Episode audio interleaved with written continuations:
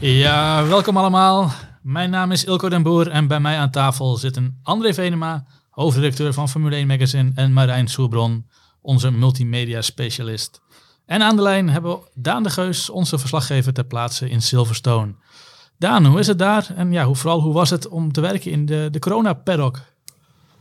Ja, hoi. Uh, ja, goed. Um, het was even wennen natuurlijk, want uh, ja, we mogen nu nou aanwezig zijn, maar inderdaad nog niet uh, de paddock in om zelf ja, direct met coureurs te spreken. Dus het is een andere manier van verslag doen, maar ik denk wel dat het ja, veel toevoegt aan, aan de manier waarop we toch verslag kunnen doen, ondanks dat je alsnog steeds wat beperkt bent door de, door de coronamaatregelen in de sport. Ja, en alle tests, het is een hoop gedoe, maar ja, het zorgt wel voor een, een veilige omgeving.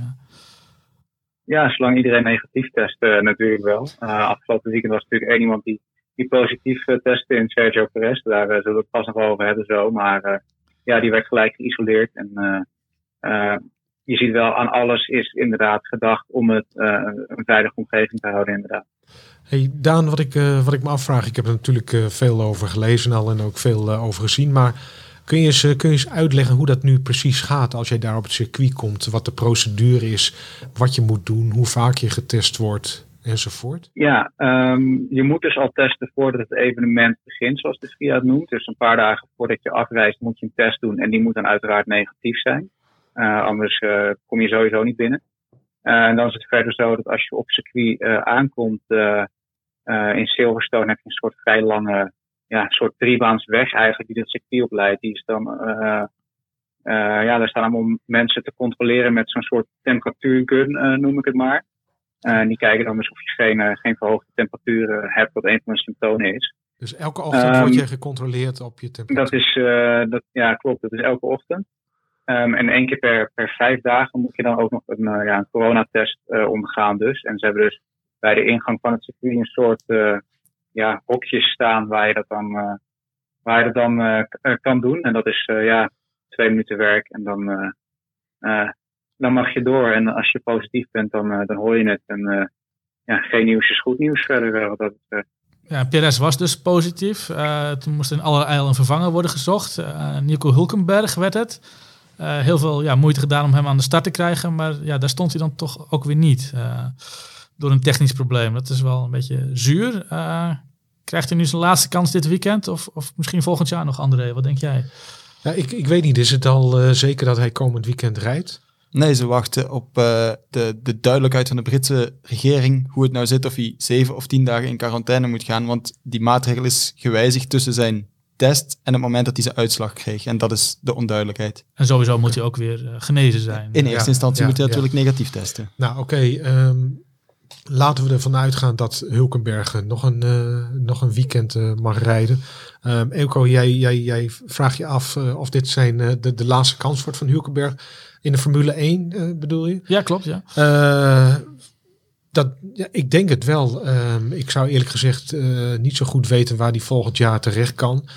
ik weet dat er vorig seizoen binnen Red Bull, of bij mensen, niet bij Red Bull zelf, maar mensen dicht bij, uh, bij het team, toch wel een, uh, een, lobby is geweest om uh, Hulkenberg daar dit jaar naast Max Verstappen als coureur te krijgen.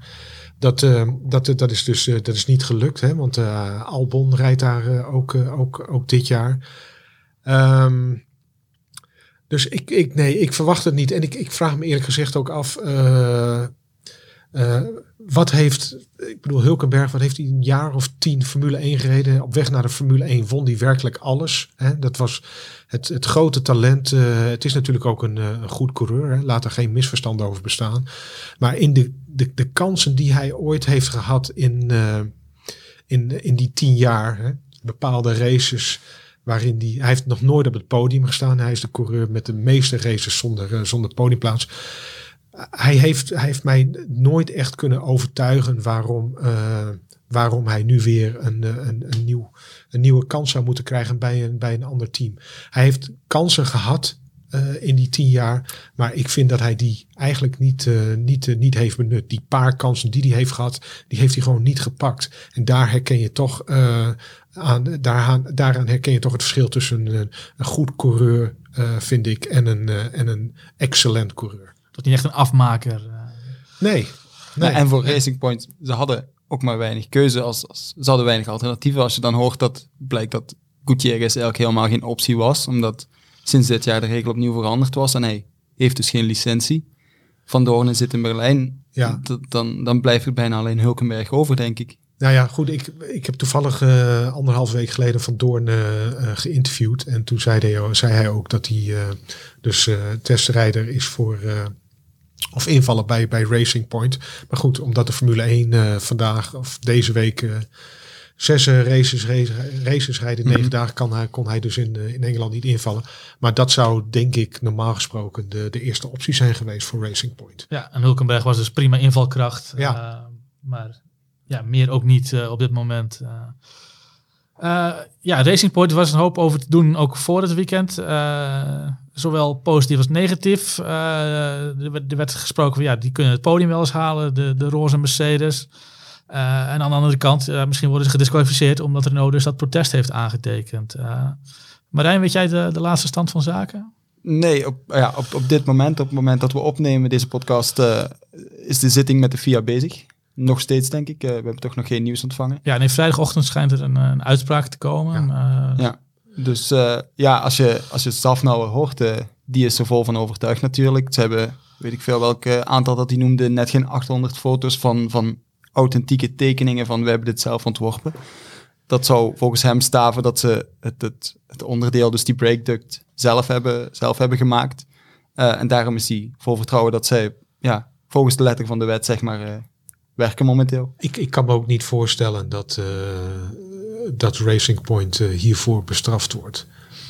Nou, ik, het lijkt, het- ja, het lijkt me ook moeilijk dat ze nu vier races eh, ver in het seizoen en dan al... eh, Ik bedoel, dat zou, dat zou echt een, dat zou een kapitale inschattingsfout zijn als zij hiervoor, eh, als zij hiermee, als zij hiermee de mist in gaan. Ja, ze wisten natuurlijk gewoon goed waar ze mee bezig waren, kenden de reglementen. En ook onze techniek-expert Rob van de Heikant, die heeft in het laatste nummer ook eh, al eh, gezegd dat, eh, dat wat hem betreft eh, er eigenlijk niks aan de hand is.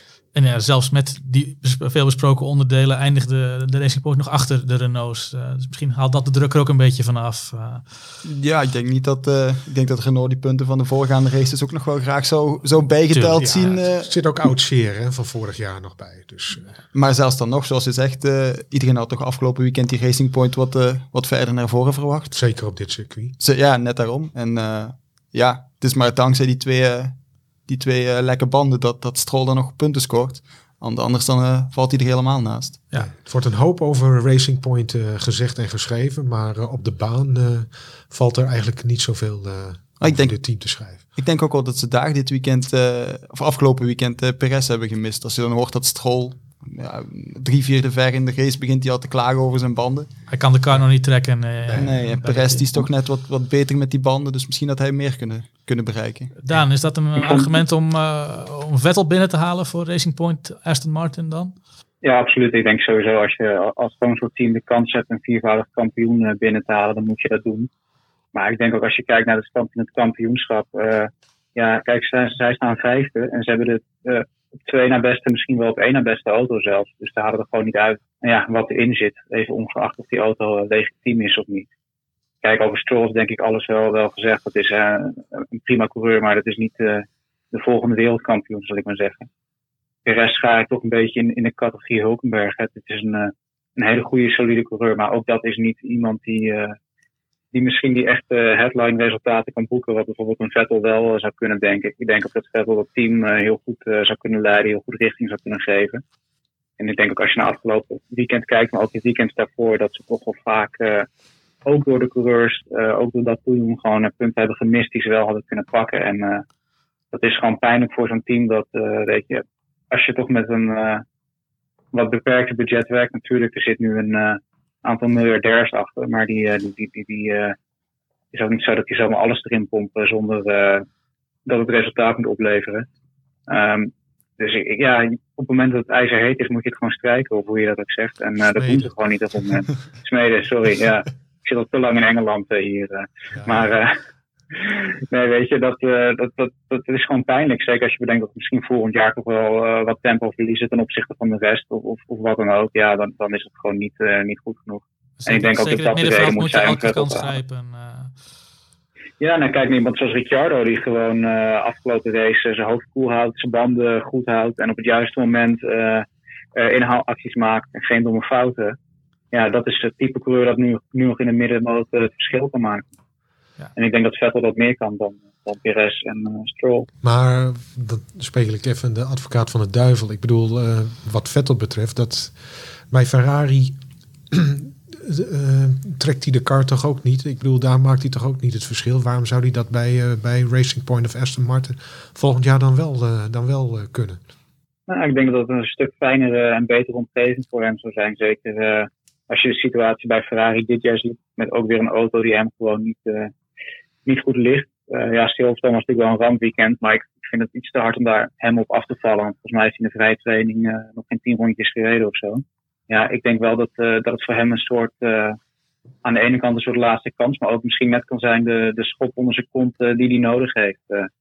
als je hem ook zag in die, die eerste Red Bull jaren, dat hij echt klikte met het team. dat is de Vettel die ze, die ze daar nodig hebben, denk ik. En ik denk dat hij dat hele team meer om zich heen kan trekken dan hem ooit met Ferrari is gelukt. Ja, het zou toch een soort bevrijding voor hem zijn, het juk van zich afschudden. Uh, ja, het thema van de afgelopen race was natuurlijk uh, ja, de banden, de klapbanden bij Mercedes en, en McLaren. Ik sprak hierover met onze columnist Hopin Tung. ja, ik kan het niet zo haarfijn uitleggen als hij, maar ik zal toch even proberen een, een korte samenvatting te geven. ja, Silverstone, zoals we allemaal weten, heel snel circuit. De auto's zijn dit jaar ook sneller dan ooit, waardoor er nog meer kracht op de banden komt te, te staan. En ja, de aanhechting tussen het loopvlak en de, en de wang is een zwak punt. En ja, omdat er langer op de, de harde band werd gereden dan eigenlijk uh, ja, gepland, doordat de safety car vroeg in de race viel, uh, ja, kwamen ja, enkele auto's in de slotfase in, in de problemen. Ja, het is ook geen toeval dat dit dus net, nu net juist gebeurde bij Mercedes en McLaren. Dat zijn teams die heel veel progressie hebben geboekt dit jaar. En ja, Ferrari, dat ging juist langzamer dan vorig jaar. Dus die ja, konden heel goed voor de banden zorgen. Dus ze hebben voor hun banden gezorgd door, door de autodrager te maken. Ja. Is ook een tactiek. ja. Maar ja, zelfs met lekker band uh, wint Hamilton dus nog de race. Uh, André, wat moet er gebeuren voordat iemand anders uh, wat kan winnen dit jaar? Ja, als er twee Mercedes uitvallen, dan liggen, liggen de, de, de, de kruimels voor het oprapen voor, voor de andere teams. Ik zou echt niet weten wie, wie Mercedes op dit moment kan, kan bedreigen. Op geen enkel circuit ook. Op geen enkel circuit en zeker niet onder, onder tussenuit onder normale omstandigheden. Dat, het, verschil, het, het, verschil is, het verschil is zo groot. Het verschil is groter, uh, ik zou maar zeggen, dan, dan, dan ooit. Ja, een seconde in de kwalificatie eigenlijk uh, ja, en Mercedes en de rest. Ja, en dat, dat verschil dat, dat blijft uh, voorlopig vrij groot. En we moeten zien, ehm, met de, ook met de ontwikkeling van de auto's, Red Bull staat er bekend omdat het daar goed in is. Maar kan het in dit, dit, dit compacte, ingepakte seizoen, kan het daarin ook nog heel veel ontwikkelen. En Mercedes zal ongetwijfeld ook niet stilzitten. Al denk ik dat hij over niet al te lange tijd de, de focus alweer naar, naar volgend jaar naar 2022 zelfs ook. Ook, ja. zeker natuurlijk. 2022, daar zijn ze ongetwijfeld ook al mee bezig. Weet mm -hmm. je, mhm. die, die marge is zo groot. Ze hebben gewoon zoveel speelruimte om uh, eigenlijk elk jaar weer zijn ze, uh, zijn ze een stap vooruit en kunnen ze veel verder vooruit werken dan de rest, omdat zij die inhaalslag niet hoeven te maken. Zoals Red Bull dat elk jaar wel moet doen. Ja. Dus ja, 1 en 2 hoeven we eigenlijk niet uh, te voorspellen. Maar ja, de best of the rest, wat zijn jullie verwachtingen, Daan, om te beginnen? Ja, ik neig toch weer naar, naar Verstappen dan. Um, ook omdat de Red Bull wel gewoon sterker is dan, dan de Ferrari. En ik, ik denk dat Racing Point, ja, misschien dat je dat normaal gesproken nu als beste Verstappen in, invullen puur qua performance van die auto. Maar met zo'n gebroken weekend zoals we afgelopen weekend hebben gehad. En maar de vraag of de rest kan, uh, kan instappen weer, uh, zie ik die echt niet zomaar een podium uh, pakken. Of we moeten bij Mercedes twee banden lek gaan, maar dat twijfel ik. Dus, ja. Marijn, zie jij nog verrassingen? Nee, verrassingen niet. ja, misschien dat McLaren volgend weekend opnieuw uh, goed gaat. wie weet kunnen zij wat doen. op voorwaarde dat de, dat de banden het dan wel houden deze keer. Want Sainz was al sinds goed op weg afgelopen weekend. Zeker, ja. Max Verstappen is, is, is achter de Mercedes en de, de, de, ja, met, met afstand. Ja, je zag het ook tijdens de, race. het was twee Mercedes, ja. een zee van tijd. Ja. Verstappen en opnieuw een zee van tijd. Uh. Het, het, wordt, het, het, wordt zo. Uh, ik denk dat iedereen er naar, uh, naar smacht om Max Verstappen gewoon in een, in een potente kampioensauto te zien rijden. En Mercedes of Hamilton of wie dan ook echt, echt uit te dagen. Hè. Dat, daar is het wachten. Ik ben, ik ben wel bang dat, dat, zoals André net ook al zegt, dat eigenlijk de beste kans op een niet-Mercedes-overwinning al verkeken is. En dat het gewoon afgelopen weekend was. Ja, ja, geef jij de boodschap aan Adrian Newey door dat hij eventjes aan de bak moet bij Red Bull en uh, de spanning ja, ik, ik zag hem zelf, uh, ik zag hem aankomen op circuit, uh, volgens mij was het zaterdag, in een, in een hele mooie klassieker moet ik zeggen. Maar dan denk ik wel, als je in zo'n high-tech business werkt, misschien heb je er dan toch meer aan om wat moderne auto's wat meer naar te kijken. En dat, hij ontwerpt ja. nog steeds met potlood en papier, of niet? Dat wordt gezegd. Ja, zo begint hij wel inderdaad. Ja, ja. Maar dat is natuurlijk wel iets inderdaad bij Red Bull. Dat, het is niet het eerste jaar dat ze in deze situatie zitten. En het is nu wat erger dan, dan afgelopen jaren. Maar ja, bij elk uh, ander team zou je misschien zeggen van, uh, van kijk eens binnen die organisatie of daar misschien toch iets moet veranderen. En toevallig gaat er ook het uh, aankomende techniekverhaal met onze techniek-expert op van den Heikant over. Van ja, wat is nou de dynamiek binnen, binnen zo'n team, ook binnen een team als Red Bull met een grootheid als Adrian Newey? Uh, is de chemie nog wel en wat heb je nodig om dat inderdaad uh, te hebben, zoals we dus wel bij Mercedes al jaar op jaar hebben? Ja, we blijven het volgen. in ieder geval heel erg bedankt voor, voor je bijdrage. En ja, we zijn heel benieuwd hoe het komend weekend zich gaat ontvouwen in, in Silverstone.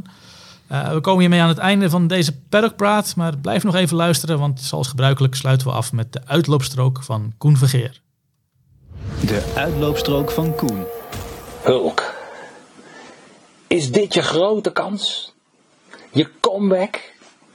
Ineens mag jij rijden in de auto die Sebastian Vettel maar wat graag zou willen hebben. De op één na snelste wagen van het veld. Weliswaar Barbie roze, maar met een Mercedes motor achterin. Ga jij eindelijk, eindelijk een podium scoren in de Formule 1? Je hebt het in huis. Iedereen weet dat. Op weg naar Silverstone gaat alles weer door je heen. Weet je nog dat ze in jou de opvolger van Michael Schumacher zagen? Toen je overal kampioen werd. In de A1 Grand Prix, de Formule 3, de GP2 maar ineens was het over. De Formule 1 bleek toch een ander verhaal. Je had gewoon nooit dat eng samengeknepen karakter van een winnaar. Je was geen killer. Geen haantje dat binnen het team wel even op zijn strepen ging staan. Je bent te aardig, te goed lachs, te meegaand. Precies. En daarom hebben ze jou gebeld. Jij bent de ideale tweede man achter het zoontje van de baas. Want dat is het hele punt van Racing Point. Denk niet dat je Lens in de schaduw kunt stellen. Die jongen is op weg om wereldkampioen te worden. Onthoud dat goed. Maar jij denkt daar niet over na. Je geniet en het gaat goed.